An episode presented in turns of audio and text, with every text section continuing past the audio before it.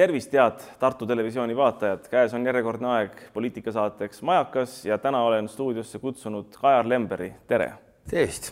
kuidas siis suvi edeneb? poliitikavabalt mis sa siis teed, kui poliitikat ei tee? no eks ta ongi nüüd, ma ei ole ju peaaegu, ma ütleks juba viis aastat väga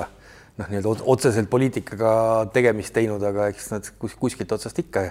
aga, aga eks minu selline aktiivne turismiettevõtja aeg ongi ainult ju suvel ja, ja eks selline mai kuni september on meil ikkagi kõige noh, kõik kõige intensiivsem periood ja, ja eks tavaliselt öeldakse, et suvel, et kingsepal pole kingi, siis niisugusel turismiettevõtjal ei ole nagu puhkust suvel, eks ole, siis saab rabelhetki ja ja kuna minu nagu kaks ikkagi sellist noh, igapäevaselt ühelt poolt küll arendusega rohkem tegelen täna Vudilas ja, ja samas täisvedamisega Viikingites Saaremaal, siis see on täpselt ühest sellist, ühest Eesti otsast teise sõitmine pidevalt ja ma ikka tõesti käingi iga nädal, nii et paar päeva olen Tartus ja paar päeva jälle Saaremaal ja siis otsapidi tagasi ja kuidagi nii, nii see terve suvi möödubki nüüd. aga kuidas siis Vudilal ja ütleme, Viikingite külal Saaremaal läheb? noh, suures pildis muidugi sel aastal oleks ikka patt-patt nagu suve, suve kiruda, sest ma arvan, et minu mälu järgi oli viimati nii hea suvi aastal kaks tuhat üksteist ja, ja sellest on täpselt kümme aastat möödas, nii et oli ka juba aeg. ja, ja kindlasti selline suvi on noh, Vudila eelkõige veepargi ja kõige, kõige sinna juurde kuuluva mõttes on ta ikkagi ju super, noh, seal ei olegi, ei olegi nagu midagi, midagi öelda. ja, ja noh, teistpidi jälle sellise seikluspargi ja ja, ja võib-olla sellise lag, rohkem lageda peal oleva, aga ka loomapargi mõttes on võib-olla isegi nagu liiga palav, et inimesed tahavadki rohkem ju vee ääres olla ja ka Saaremaal, et et kes ikka nagu posti otsa ronib, kui, kui vee, vesi on juba kakskümmend viis kraadi soe, eks. aga, aga jah, veel kord, et tänavusel aastal, arvestades veel eelmist aastat, kus oli ikkagi selline koroona väike pauk igal pool, eks ole, siis see aasta on, on ikkagi tui-tui-tui, aga väga hästi. kuidas see Vudila sul üldse alguse sai? eks see on alguse saanud tõenäoliselt mitmest asjast, et eks üks äh, üks sõber siin heietas mingeid mõtteid, et võiks, võiks midagi teha ja ühel, ühel tekkis mingisugune selline nii-öelda selline nagu, nagu asukoht, eks ju, või koht selle peale ja ja endal võib-olla oli kõige rohkem niisugust selget visiooni, et kuidas seda teha, mingit sellist laste mängumaad ja enda, enda lapsed olid ju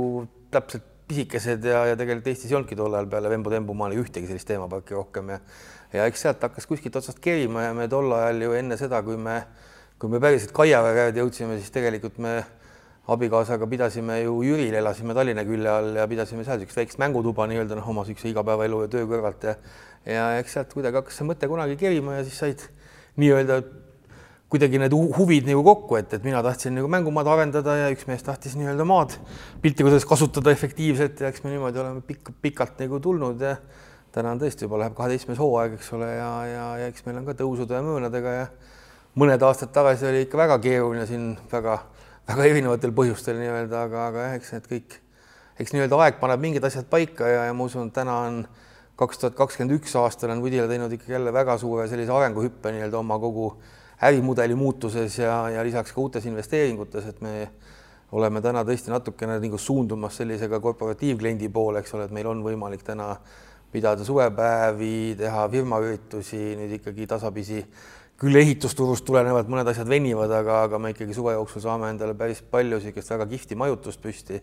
ja, ja on mõned uued ägedad atraktsioonid püsti, mis on tagasiside olnud väga positiivne ja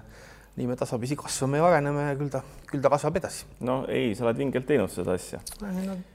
Endal peab, vaata, asjad peavad ennast ka nagu huvitama, eks mul on kaks asja, mis on motiveerivad, üks on mul niisugune väike jonn, mis alati mind mõni asi vihale ajab, et siis, siis ma kipun tavaliselt poliitikasse toppima oma nina või midagi muud näiteks või, või midagi ehitama, kui mõni arvab, et seda ei ole võimalik ehitada või, või midagi sellist. Ja teine asi on ikkagi see, et eks asi peab enda jaoks ka natuke fun olema ja kindlasti nagu Woodil on selles mõttes pigem ju fun projekt, et ta ei ole ju ikkagi nagu niisuguses äri mõttes, ta ei ole mingi suur äri või noh, viikingid veel vähem, et viikingid on ju pigem puhas selline, mul selline hobi ja jonni projekt ja, ja aga samas on kihvt, et nad töötavad ja tegelikult noh veel kord, et sa tegelikult ju pakud peredele puhast rõõmu, sellist teenust on hea pakkuda. ei no nii on ja eks sa ütled, et jonn ja siin Eestis on ju küllaltki ka neid äh, ringkondasid ja isikuid, kes tahaks nagu ka veel maha tõmmata nagu neid häid asju nagu, et äh, seda suurem jonn nagu peab olema. ma olen selle kohta öelnud, et kui, kui Vudila tegemise pärast äh, on mind siin püütud tembeldada kurjategijaks, siis noh, tõenäoliselt on see kõik seda väärt ja ma soovitan kõigil neil, kes seda, kes seda protsessi algusest peale nii-öelda vastaspoolelt vedanud on või, või eest veavad, et ma annaks neile annaks neile nii-öelda nii vaimu ja võimu ja tulge Udilasse külla, tulge vaadake natuke ringi, mis seal päriselt tehakse, võib-olla tekib teine maailmapilt. lööb pildi selgemaks? no kõvasti lööks selgemaks, sest noh, ma olen alati kogu selle oma, oma kaasuse kontekstis, millele sa siin vaikselt vihjed ju olete öelnud, et kui, kui ma võtan näiteks ka, ka oma endaga seotud objekte, siis sel hetkel, kui mind nii-öelda maha joosti piltlikult öeldes, sel hetkel ei olnud ei uurija ega prokurör ega, ega keegi teine reaalselt paaril objektil isegi kohal käinud ja ma pean tunnistama, et viis aastat hiljem, kui sellest hakati kohtus rääkima, isegi siis ei saanud veel prokurör aru, et näiteks Saaremaal on tegemist kahe erinevas asukohas, erinevas külas asuva objektiga, nii et noh, mis ma oskan selle kohta öelda, noh, kahju. noh, pealiskaudsus no nii on, et eks ta on noh, jumal, jumal temaga las ta olla. aga sa oled maitsnud nii ettevõtja leiba, mida sa praegu maitsed, ka poliitiku leiba, kumb leib siis magusam on? Ma ei tea, ega ta selles mõttes on, vaata maailmal on mitu-mitu asja ja ma olen alati öelnud, et kui näiteks poliitikasse on ka, et mind on ikkagi üldjuhul mingite asjade juurde nagu alati mingil etapil nagu kutsutud või kuidagi, ma ei ole kunagi nii hullult teadlikult sinna läinud, eks loomulikult ühel hetkel, kui sa võtad endale eesmärgi, et noh, nüüd nüüd nagu minek, eks ole, siis hakkad selle nimel nagu teadlikult tegutsema, aga aga üks asi on viinud teine teiseni ja, ja teine kolmandani ja kuidagi nii on kogu see noh, elu nagu, nagu, nagu läinud ja, ja kindlasti on avalikus sektoris on kindlasti see positiivne pool, et kui sa noh, sa pead endale aru andma, et see ongi ju mingi etapp, eks ole, et see ei ole selline, et sa lähed endale, ma ei tea, pensionisammast ehitama midagi, siis vähemalt minu jaoks on see nii olnud alati, et et ja sel etapil siis sa tahad mingeid asju ära teha ja kui sa seda nagu, nagu sellega nagu tehtud saad, siis tegelikult on hea tagasi vaadata. ja see on võib-olla just jälle see, et kui sa vaatad nagu kohaliku omavalitsuse tasandit, siis kindlasti see on selline noh, minu jaoks nagu selline inimlikum tasand, et tegelikult see ongi ikkagi väga konkreetselt, noh, sul ongi loomulikult mingi piiratud eelarve, aga sa saad tegelikult teha mingid otsused sellesama eelarve raames ja asjad viiakse ka reaalselt ellu. riigikogu levelil on jälle see natuke noh, teistmoodi, et see on selline nagu pikem protsess ja kuidagi seal ei teki sellist konkreetsust ja, ja noh, see oli ka võib-olla minu jaoks üks üks põhjus, miks ma tegelikult ju ka Riigikogust ju tulin ära enne nii-öelda, enne aja lõppu, nii et ju siis nii magus leib ei olnud, et ma taht-, olin valmis ära tulema sealt. ja mulle tundus see Tartu linna tulek nagu väga niisuguse kihvti väljakutsena ja ja ega ma päeva lõpus nagu ei oska nagu kahetseda midagi, et see oligi väga-väga tore aeg ja meil oli väga, minu meelest väga kihvt punt Tartus tol ajal ja, ja tegelikult olime ma arvan, et siiralt, et see oli üks otsustusvõimelisemaid linnavalitsusi nii-öelda, kes suutis kiiresti teha otsuseid, asjad ellu viia ja meil omavahel ka asjad nagu sujusid ja ma arvan, et see oli nagu, nagu äge noh. loomulikult tagantjärgi võiks mõelda, et, et oleks pidanud võib-olla mõnest asjast nagu kaugemale nagu hoiduma või kuidagi, aga noh, tõesti selle peale, mis jälle sedasama Krimmi asja puudutab, nagu ma oleks uneski tundnud, sellistest teemadest võivad mingid probleemid tekkida, aga noh, täna on nad kohal ja eks me lahendame neid. ei no kõik igasugused teod, olgu eri, eriti just head teod on võimalik pöörata tegija vastu, see on ka see vanasõna juba no,. kõige lihtsam on muidugi mitte midagi teha, nii et ainult targutada, see oleks nagu lihtsam, et ma olen terve elu noh, nii-öelda võidelnud sellise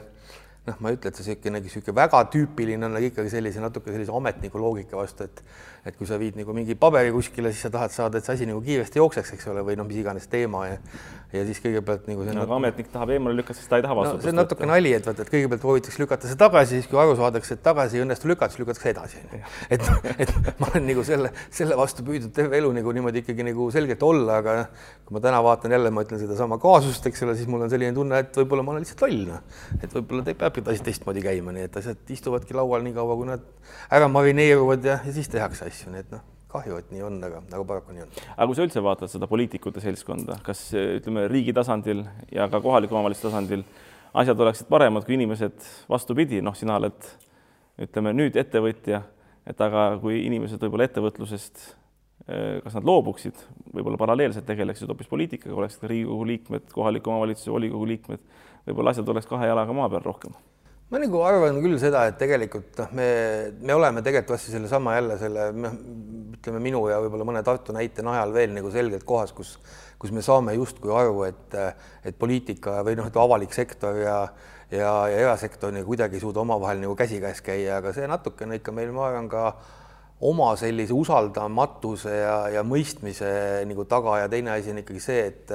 et inimesed võib-olla, kes mingisuguseid tehinguid, ma ei tea, tagantjärgi hindavad või, või neid, nendele püüavad sisulisi hinnanguid anda, siis tegelikult nad ikka päriselus ei saa üldse aru, et mis asjaga tegemist on. aga mingi asi tundub nagu kahtlane, siis hakkab mingi oma tõe otsimine taga ja seal ei pruugi üldse nagu midagi niisugust noh, nagu pahatahtlikku tegelikult taga olla, aga, aga noh, kas seesama toimingupiirangu seadus, eks ole, mulle väga meeldib äh, Ülle Madise lause selle kohta, et kui on noh, enam-vähem selline, ma ei mäleta, kuidas see sõna-sõnalt oli, aga aga, aga mõte on ju selles, et kui tegelikult on selline paragrahv, mille eest on võimalik inimesele määrata tegelikult reaalne vanglakaristus, siis peaks olema see paragrahv nii selge, et inimene või kes iganes saab aru, et ta eksib selle paragrahvi vastu. ehk ta saab aru, et ta sooritab kuriteo. mitte tagantjärgi ei saa aru, et midagi jah oli nagu. Äh, toimingupiirangu paragrahv on kaugel sellest mm. ja neid kaasuseid, mis täna ikkagi Eestis on, mis tulevad, olgu nad täna arstid, omavalitsustegelased, see on ikka noh, minu jaoks on see läinud ikka absurdini tegelikult teatud, teatud kohtades, kus tegelikult on võimalik tõlgendada mingeid otsuseid ikka sellise suva järgi, et annad tervist noh. Ja, ja kui ma panen siia juurde veel jälle näite e-, enda kaasusest, eks ole, et mul on ju täna nii-öelda kaks episoodi veel õhus, eks ole, et üks on siis minu legendaarne üheksa eurone juuksuriskäik, aga aga, aga teine on siis ju ka toimingupiiranguga seotud ja kui selle peale ikkagi prokurör ütleb avakõnes, et see on äh, õiguslikult huvitav vaidlus, mis seda punkti puudutab, eks ole, et noh, siis tekib nagu selline tunne, et, et äh, noh, anna nagu mõistust, eks ole, sest minu jaoks tähendab see õiguslikult huvitav vaidlus täna kuuendat aastat piltlikult öeldes nagu süüdistatavana olemist, kohtu all olemist. ma olen selle peale kulutanud täna ühe korraliku peremaja kuluva raha näiteks, eks ole, mis on, see on tegelikult ju meeletud summad, mis sinna sisse lähevad ja siis mingid tegelased saavad selle eest palka kõik need kuus aastat ja siis nad ütlevad, et see on õiguslikult nii huvitav vaidlus, et peaks edasi vaidlema, et noh, siis tekib nagu küll selline tunne, et ütled ka, et vot siis tahaks poliitikasse tagasi minna, et kurat, nii ei saa olla, noh, lihtsalt ei saa olla. no nendele on see huvitav, sinul on see isiklik. no nii ongi paraku jah, ja eks nad ju seda loodavadki, et ühel hetkel nii-öelda viskad kas sussid nurka või, või väsid ära, eks ole, et sa sellega enam ei, ei toimeta, aga noh, elame-näeme noh, mina vaatan seda asja nagu tsiviilpoole pealt, et ka hoiulaenuistus, eks on tegevus suureks läinud ja on ikka paraku tsiviilkohtuvaidlusi ja seal sageli ei ole tegemist mitte niisuguse kohtupidamisega või õigusemõistmisega minu arvates, vaid tegemist on lausa kohtupoliitikaga no,. et vaadatakse mingisuguseid nüansse, protseduurilised küsimused ja ütleme, sisuliste asjadeni noh, jõutakse väga pika ajaperioodi kuludes noh, paraku on, on seal ka jah, mõtlen, ma ei oska nagu selle kohtuinstantsil veel ausalt öeldes isegi väga hinnangut öelda, et meil täna mulle tundub, et on väga selline põhjalik ja ja, ja, ja hästi sihuke noh no on, ongi põhjalik kohtunik ja ma arvan, see tegelikult on nagu oluline arvestada selle teistpidi, ma võtaks nagu selle prokuratuuri pealiskaudselt võrdlusena. aga, aga minu meelest kogu see kohtueelne menetlus on küll täna ikkagi selline, nagu ta ei tohiks mitte mingil juhul olla, vähemalt inimese vaatest. ja ma saan aru, et see on väga pikk diskussioon ja kontekst, aga, aga kui isegi Vene ajal olid kohtueelsel menetlusel ees mingid tähtajad siis täna sind reaalselt lihtsalt menetletaksegi surnuks ja see, see ei ole nagu, nagu normaalne. ja kui täna vaadata teistpidi seda kohtubürokraatiat, siis tegelikult ka tegelikult ikkagi nii-öelda tavaline inimene ilma advokaadita kohtus sisuliselt käia ei saa, see ei ole noh see ei ole nagu võimalik, sa pead olema ikkagi jurist, et sa pead aru saama, millal mingeid dokumente esitada, kuidas neid koostada, kuidas seda kõike teha. ja kui sa paned sinna siis selle kulu otsa, siis ma ütlen jälle, et keskmist palka saav inimene ei ole võimeline Eesti Vabariigis kohtus käima ja see tegelikult on nagu nagu minu meelest nagu kurb, et see, et see nii on ja ma arvan, et siin on muutuse kohta veel küll ja küll, mida tegelikult teha võiks. nii et ikkagi jõuame tagasi poliitika juurde no,. sellel teemal kindlasti. aga kuidas sa vaatad seda poliitikaelu Eestis, mis oleks need peamised asjad, ütleme, kui sa oleksid tagasi näiteks Riigikogus, mida, millega peaks tegelema kõige esimeses korras? no siin on igasugused pseudoteemad, asjad, jätame need kõrvale, mis need sisulised asjad oleksid Eesti elu edasi viia? noh, et eks see alati on jälle küsimus ajas, eks ole, täna on ju selge, et ega seesama olgu, olgu ta see Covidist tulenev temaatika, see paraku käib nagu noh, rohkem küll võib-olla isegi valitsuse laual kui, kui tegelikult Riigikogu laual, aga aga sellega seoses ikkagi ma arvan, muutub Eestis nagu, nagu väga palju ikkagi, olgu ta digi, digiteemadest ja, ja lõpetades tegelikult ikkagi nagu majanduse turgutamisega, mis on muutunud, muutnud ja mõnes mõttes selliseid paradigmasid ja, ja väga kõvasti ja, ja ma arvan, teistpidi sellesama majanduse elus hoidmine või, või, või ka turgutamine, see paraku noh, see on ka üks roll riigil, eks ole, et me võime küll öelda, et me oleme sellises turumajandussituatsioonis, et umbes turg paneb kõik ise paika, aga ega ta tegelikult ei pane ja ja, ja kui me tahame, et meil on ka regionaalne elu nii-öelda regionaalpoliitika, et meil on ühendused ja, ja teed ja, ja sidevõrgud ja kõik ka väljaspool ütleme, suuremaid asutusi, siis paraku sellega peab riik tegelema, et seda, seda nagu ei pane see turupool kuidagi paika ja ja ma arvan, ma ikkagi hingelt olen niisugune regionaalpoliitik või, või maaettevõtja ikkagi, et, et see on just see sektor, kuhu noh, me peame rohkem vaatama ja me peame sinna ka tegelikult riigi abi suunama ja ja see on võib-olla teistpidi jälle niisugune Euroliidu niisugune hea roll, et, et kui seda ei oleks, ma kardan, oleks veel keerulisem Eestisse. et need annavad sinna ikkagi mõju. teine asi täna on kindlasti see, et on seesama õigussüsteemi küsimus, et noh, minu jaoks on ikkagi seal ju väga palju nüansse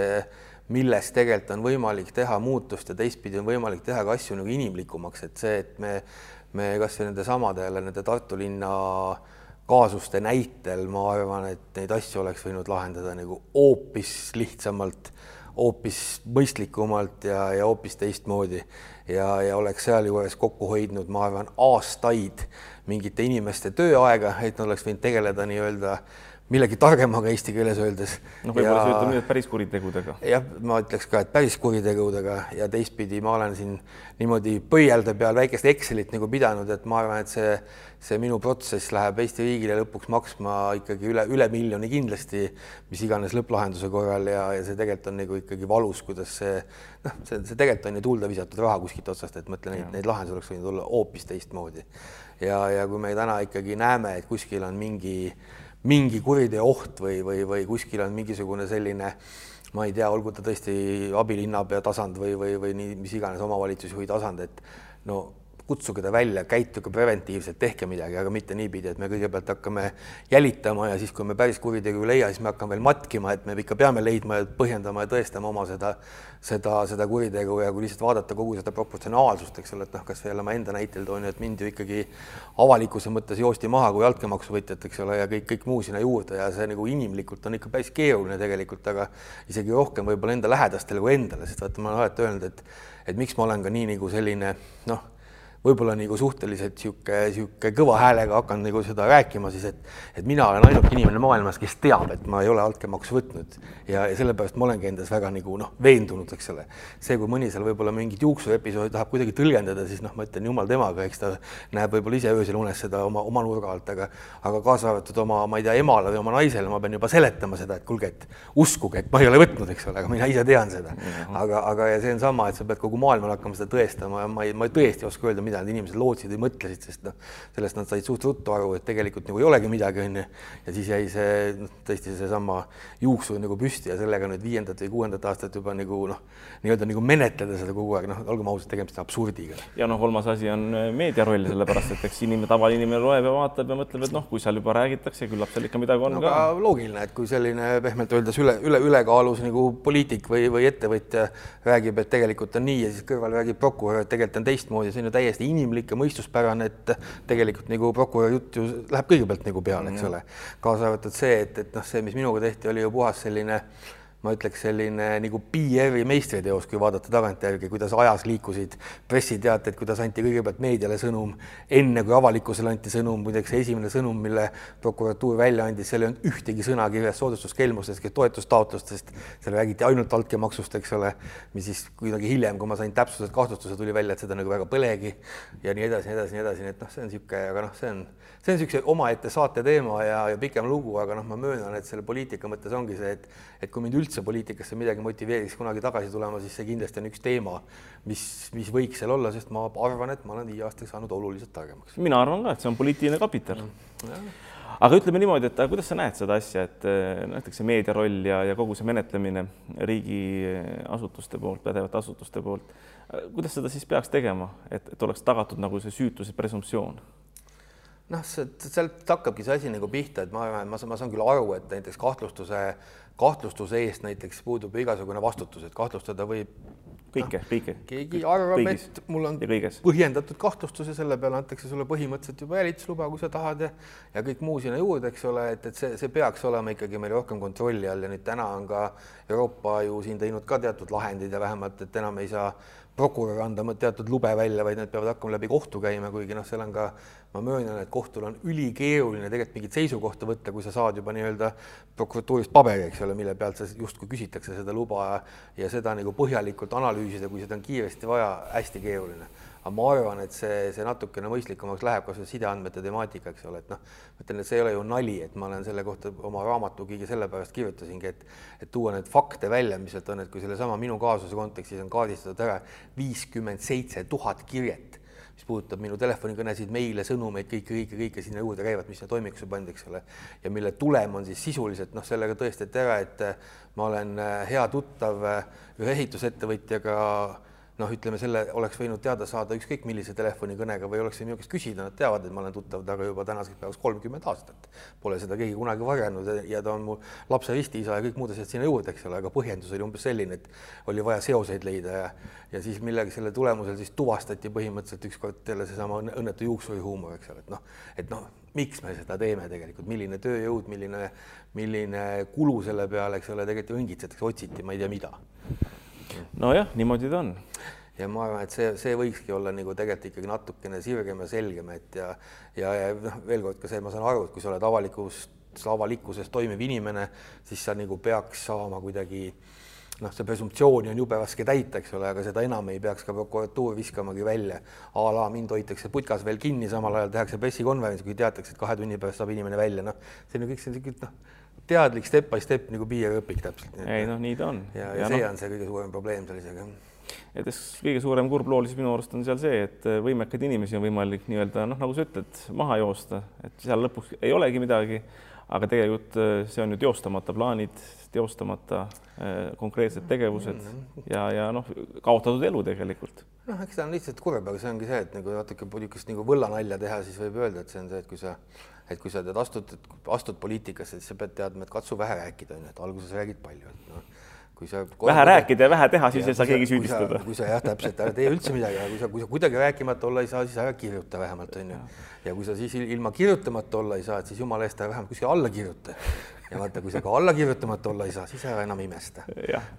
see, see on ühtepidi nagu, nagu noh, ma ütlen, tegelikult on see nagu sihuke valus. Noh. ma olen alati olnud ikkagi, ma arvan ka, ka sihuke suhteliselt kiire otsustaja ja, ja, ja ikka noh midagi teha ja kui sa teed palju asju, siis midagi läheb ka nihu elus onju ja ja ma ei ole kunagi öelnud, et ma olen mingi mingi prillikivi või ma ei ole millegi vastu eksinud või loomulikult noh, igasuguseid asju on elus ette tulnud ja võib-olla olengi kuskil kuskil ka, ka komistanud edasi, aga, aga veel kord vaadata seda proportsionaalsust, kõike muud sinna juurde. Ja, ja mind, mind tegelikult võib-olla kõige rohkem häiribki nagu see, et see seesama, et kellelegi on lubatud tegelikult seesama kahtlustus õhku visata ilma igasuguste tõenditeta, tal on mingi veendumus see veendumus osutub valeks, reaalselt isegi ma väidan täna, et ka, ka mõne jälitusloo taotluse sees on kohtunikule kirjutatud, et neil on tõendid, mis viitavad sellele, et ma olen midagi teinud ma pole seda teinud, ma ütlen järelikult, nad valetavad ja vaata, see on see ja sealt ei tule mingit vastutust mitte kellelegi. et see on kurb. no vaata ilmselt, eh, kui siin sisulisi muutusi tahta, ma arvan, et karhud lööks alt ära see, kui tekiks ka menetleval ametnikul isiklik vastutus. absoluutselt ja ma arvan, et see tegelikult see, see peab kuskilt otsast olema, sest et ma ütlen veel, ma ei oleks, kui, kui sel ajal, kui ma näiteks olin Riigikogus, mul on endalgi olnud piinlik see, et ma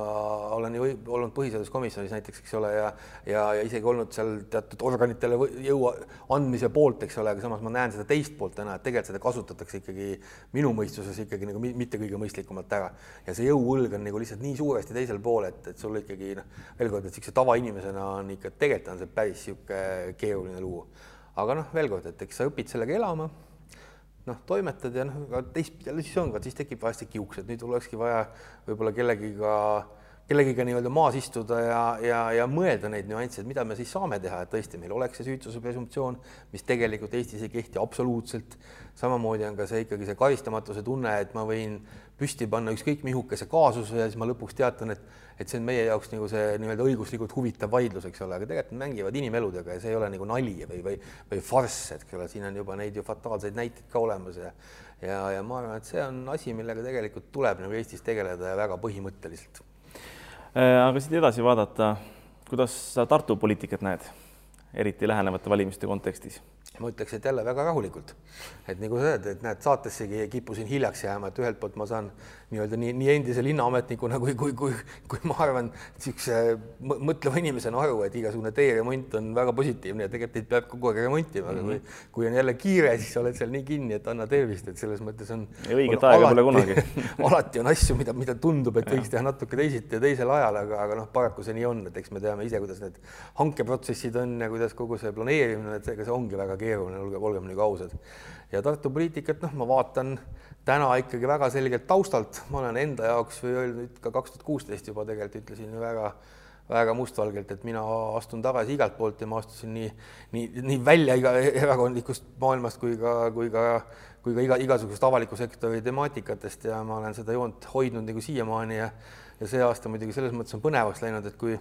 neli aastat tagasi olid kohalikud valimised, et siis ma, siis ma olin ikka niimoodi värskelt äh, maha joostud korruptant, siis täna hakkab tunduma, et teised saavad ka juba aru, et see, mis alles on, see on natukene nagu humoorikas onju. ja, ja täna vist peab tunnistama jah, et ega, et äh, ütleme nii, et üks erakond ei ole kutsunud, aga ülejäänud kõik on ikka kutsunud kandideerima selle, selle aasta kohalikele valimistele, aga ma olen ikka öelnud, et, et rahu, et ma niikaua, kui mul see protsess kestab, et mul ei ole hetkel plaanis küll kuskile tulla ja teistpidi mõnes mõttes muidugi ka, ka omavalitsuste vaatest ka, et, et ma arvan, et see lihtsalt ei, ei anna juurde ei, ei, ei sellele, kellega koos ma kandideeriks ja kindlasti mitte mulle endale mitte midagi, et eks ma istun oma protsessid ilusasti ära ja vaatan, kus me sellega jõuame ja eks siis näeb edasi, mis, mis poliitika minuga või mina poliitikaga tegema hakkan Äh, aga ütleme sel ajal, kui sina abilinnapea olid, et äh, näed sa nagu seda, et äh, siin on nagu ütleme siis sinu liinis seda asja edasi aetud või sa teeksid midagi teistmoodi? Või läheneksid mingile küsimusele no, teistmoodi? üldiselt on hea, hea tava nii-öelda ei, ei järeltulijaid ega eelkäijaid väga mitte nii-öelda nii nagu midagi kiruda, et ma arvan, et Tartu on noh, tegelikkuses on nagu suurt pilti vaadata sellest, siis Tartus tegelikult ju ei saa öelda, et midagi oleks nagu väga halvasti ja ja kogu selle noh, kõige suurem mure on Tartul alati see, et, et meie need ümberkaudsed, ümber linna olevad vallad kasvavad väga kiiresti ja ja, ja Tartul ikkagi see elanike kasv ei, ei tule nagu järgi, eks see lõpuks hakkab pihta noh, paljudest asjadest, kaasa arvatud planeerimisest ikkagi, eks ole, et kogu niisugune linnaplaneerimine, elamuehitus, need protsessid peaks olema kiiremad, see on kindlasti üks nagu selline asi, mis, mis me, me jäämegi omavalitsustele nii-öelda ju jalgu ja elanikud kolivadki linnast välja, eks ole, see on tegelikult noh, nimetame seda jalgadega hääletamiseks, milleks iganes, aga, aga see on linna vaatest on see kindlasti mure, noh, võib-olla Tartu ümber oleva valla vaates see nagu ei ole mure ja inimene võib-olla tahabki linnast ka, ka välja minna ja ja, ja teine asi, ma arvan, noh, veel kord me jõuame tagasi sinnasama nende otsustusprotsesside juurde, et ma arvan, et seesama nõiajaht mõnes mõttes, mis ikkagi kaks tuhat kuusteist ja seitseteist ka Tartu linnavalitsuses läbi käis, siis see kindlasti on pärssinud tänase ja ka eelmise linnavalitsuse sellist otsustuskiirust ja otsustusjulgust mis võib-olla, kui sa vaatad inimlikust vaatest, see võib olla isegi on õige, et mingeid asju seeditakse ja, ja nämmutatakse väga mitu korda läbi ja, ja kaalutakse kõiki aspekte, sest ega ma ei taha, et keegi peaks sattuma samasugusesse olukorda, kus mina või minu kolleegid, eks ole. aga, aga jälle inimese või ettevõtja seisukohalt ma arvan, et on, on mingid otsused, mis ongi jäänud marineerima et üldiselt öeldakse ikka seda, et tegelikult tee või teinekord vale otsus, aga, aga tegelikult tuleb otsustada, et elu nagu kuidagi seisma ei jää ja, ja ma arvan, sellise otsustuskiiruse ja otsustus otsustusjulguse mõttes kindlasti ma arvan, see meie linnavalitsus oli nagu päris hea, kui millegagi võrrelda. nojah, ja ega siin noh, ongi see küsimus, et eh, mida kiiremini asju menetletakse, seda suurem on rahalises mõttes käibekiirus ja mida suurem on käibekiirus, seda suurem majanduskasv, töökohtade loomine, maksulaekumine, kõik see edasi. see, see, on, see, see nii ongi ja selles mõttes, eks nad, eks nad ju noh, eks mingis mõttes ma mõtlen, pikad strateegiad on ikkagi, olgu ta siin täna võib-olla enda vaatest nagu hindan hästi seda, et me kunagi saime paika selle meie nii-öelda koolimajade renoveerimisplaani, mis oli üks niisugune pikk ja pikk jada asju, mis kestab ju veel mingi kümmekond aastat ja seda ikka enam-vähem hoitakse, kuigi siin mingid eurorahad ja asjad muudavad kindlasti seal natukene prioriteete, aga tegelikult see on nagu hea selline konsensuslik kokkulepe, et kõik teavad, mis neid ees ootab. ja see tegelikult sai ka tookord ju koolijuhtidega kokku lepitud, mul on hea meel, et see tegelikult läheb nagu viisakalt edasi. mille üle on sellises natukene emotsionaalsemas mõttes võib-olla hea meel on see, et me pidasime ikka meeletuid vaidlusi omal ajal sellega, kas siia Emajõe äärde mõned kohvikud võiks tekkida või mitte tekkida, eks ole, ja ja, ja noh, see on üks asi, mis jääb ka märgina maha, et, et ma olin ka väga suur selle toetaja, et noh, Emajõe äärde, et see on, see oleks nagu äge, kui sinna saaks need teemaks. Ja ma arvan, täna isegi keegi ei keegi ei julge mõeldagi niipidi, et neid ei peaks seal olema, eks ole, et noh, ja nii et see oli väga positiivne, et täna tehti see kümneaastane konkurss veel, eks ole, mis andis jälle ettevõtjatele julguse pikemalt ja noh, suuremalt nii-öelda ette võtta asju ja tegelikult see, mis ju täna noh, ütleme vähemalt ühel ema ja kaldal juba toimub, see on ikka, see on ikka kihvt noh, et seda on endal väga tore vaadata. no nii ta on aga ütleme siin menetluskiirusest rääkides, ametnike omavolist rääkides, bürokraatiast, sellest, no see on küll riigi tasandi poliitika, siin peaks muutma siis võib-olla kohaliku omavalitsuse seadust ja võib-olla teisi seadusi aga kas võiks näiteks olla ka näiteks siis omavalitsustes midagi otsedemokraatia taolist, noh, siin praegu on niimoodi, et ma ei tea, kas sada või kakssada tuhat palju antakse otsedemokraatia korras siis eh, rahvale otsustada. muidugi võrreldes linnaeelarvet on see kaduvväike summa, see on niisugune noh, ütleme natukene niisugune pseudotegevus, aga kas võib-olla võiks näiteks linnaosade kaupa kas või planeeringu küsimusi anda otsustada? ma arvan, et see on, see on kindlasti on bürokraatia mõttes hästi keeruline protsess, kuidas seda nagu, nagu paika loksutada, sest ega noh, need ongi alati see, et ega, ega igasuguste planeeringute otsustel no alati on see, et keegi on ikka rahulolematu, eks ole. emotsioonid on laes. rahul ja see, see alati on, aga, aga mina näiteks seda üldse välistaks, no ma ei kardaks seda kindlasti. selles mõttes, et selliseid asju tulebki katsetada, tulebki olla julge ja noh, kas seesama kaasav eelarve, et mul on sellest nagu väga-väga kihvt jälle nagu rääkida, selles mõttes, et see, see, see seeme küll idanes Tartus juba, juba tegelikult varem, aga, aga tol ajal olingi mina ju rahandusabilinnapea, kui tehti Eesti esimene kaasav eelarve mm. Tartus, eks ole, ja ja kui vaatad jälle, mis sellega täna saanud on, siis tegelikult on täna juba pool Eestit täis seda no, kaasavat eelarvet ja, ja ka Tartu Tartus tasapisi summa kerib ja ja ega, ega ka see oli noh, ütleme selles mõttes niisuguseid skeptikuid oli ikka palju, eks ole, kas, mhm. kas ja kuidas ja ja loomulikult sellel on oma kulu ja kogu see menetlus võtab aega ja kõik muu, aga noh, see ongi demokraatia ühtepidi hind, eks ole, ja, ja teistpidi on minu meelest ikkagi hästi kihvt, et et inimesed saavad oma sõna kaasa öelda, see tekitab natuke seda kogukondades rohkem sellist aktiivsust ja ja need projektid ikkagi valdavalt, mis on Tartus tehtud, on läinud ju ikkagi nagu rusikas silmaauku, et neid on vaja ja pluss linnavalitsusele noh, nii tänastele kui ka eelmistele tuleb öelda, et et alati ka ütleme, kui kaasava eelarve mõttes jäävad mingid objektid, ma ei tea, kolmandaks-neljandaks, mis raha ei saa, siis üldiselt neid ikka on proovitud eelarve kaudu ära teha ka pärast, eks ole, et, et see asi noh, kui mõtted tulevad lauale, siis võiks need edasi viia. no see on nagu ideekorje. absoluutselt, noh, ja see, see, see protsess käivitab seda ja see on minu meelest on noh, see ongi kihvt, eks ole, ega muidu ju poleks seda nii, nii südamega ka võtnud, aga, aga, aga kui mõelda selle otsustuste peale, siis ma arvan, see planeeringu noh, ka seal on ju võimalik mingeid leveleid nagu selles mõttes välja mõelda, eks ole, mis asi on kohaliku noh, ütleme see linnaosa tasandi otsus ja mis võib-olla suurema tasandi otsus, nii et noh, seal kindlasti on variante nii-öelda millega tegeleda ja ma usun, et kui siin näiteks uus, uus volikogu tahaks anda rohkem sinna või võimu näiteks allapoole, see on kindlasti võimalik, samas noh, eks seal alati tekivad need, et et kas see linna asumiselts nüüd, et kuidas see valitakse, eks ole, kuidas, kui palju seal seda demokraatiat nagu tegelikkuses on ja nii edasi, nii edasi, et ega neid küsimusi tekib kõvasti juurde, kui, kui neid täna on, aga noh, mõnes mõttes see ongi see valitsemise võluhind, et no, see ongi suhtlemine ja, ja, ja kui sul nagu see kontakt inimestega kaob, ega siis on, siis on teistpidi jama, nii et demokraatia ongi kallis. demokraatia on kallis. aga saade hakkab läbi saama, mida soovid Eesti inimestele ja meie televaatajatele? Ma soovin ikka positiivsust ja tervet mõistust, et ma arvan, et kui need kaks asja inimesi saadavad, siis küll saabudakse raskust, igasuguste raskustega üle ja ja, ja kindlasti on see lau, lause, et ega poliitikaga nii on, et kui sina ei tegele poliitikaga, tegeleb poliitika sinuga, nii et et minge, minge ikka valima ja, ja valige siis neid, et kellest saab vähemalt pärast nööbist kinni võtta, kohalikul tasandil on see ka väga võimalik. nii ta on. aga suur tänu tulemast, suur tänu vaatamast ja kohtumiseni juba järgmisel korral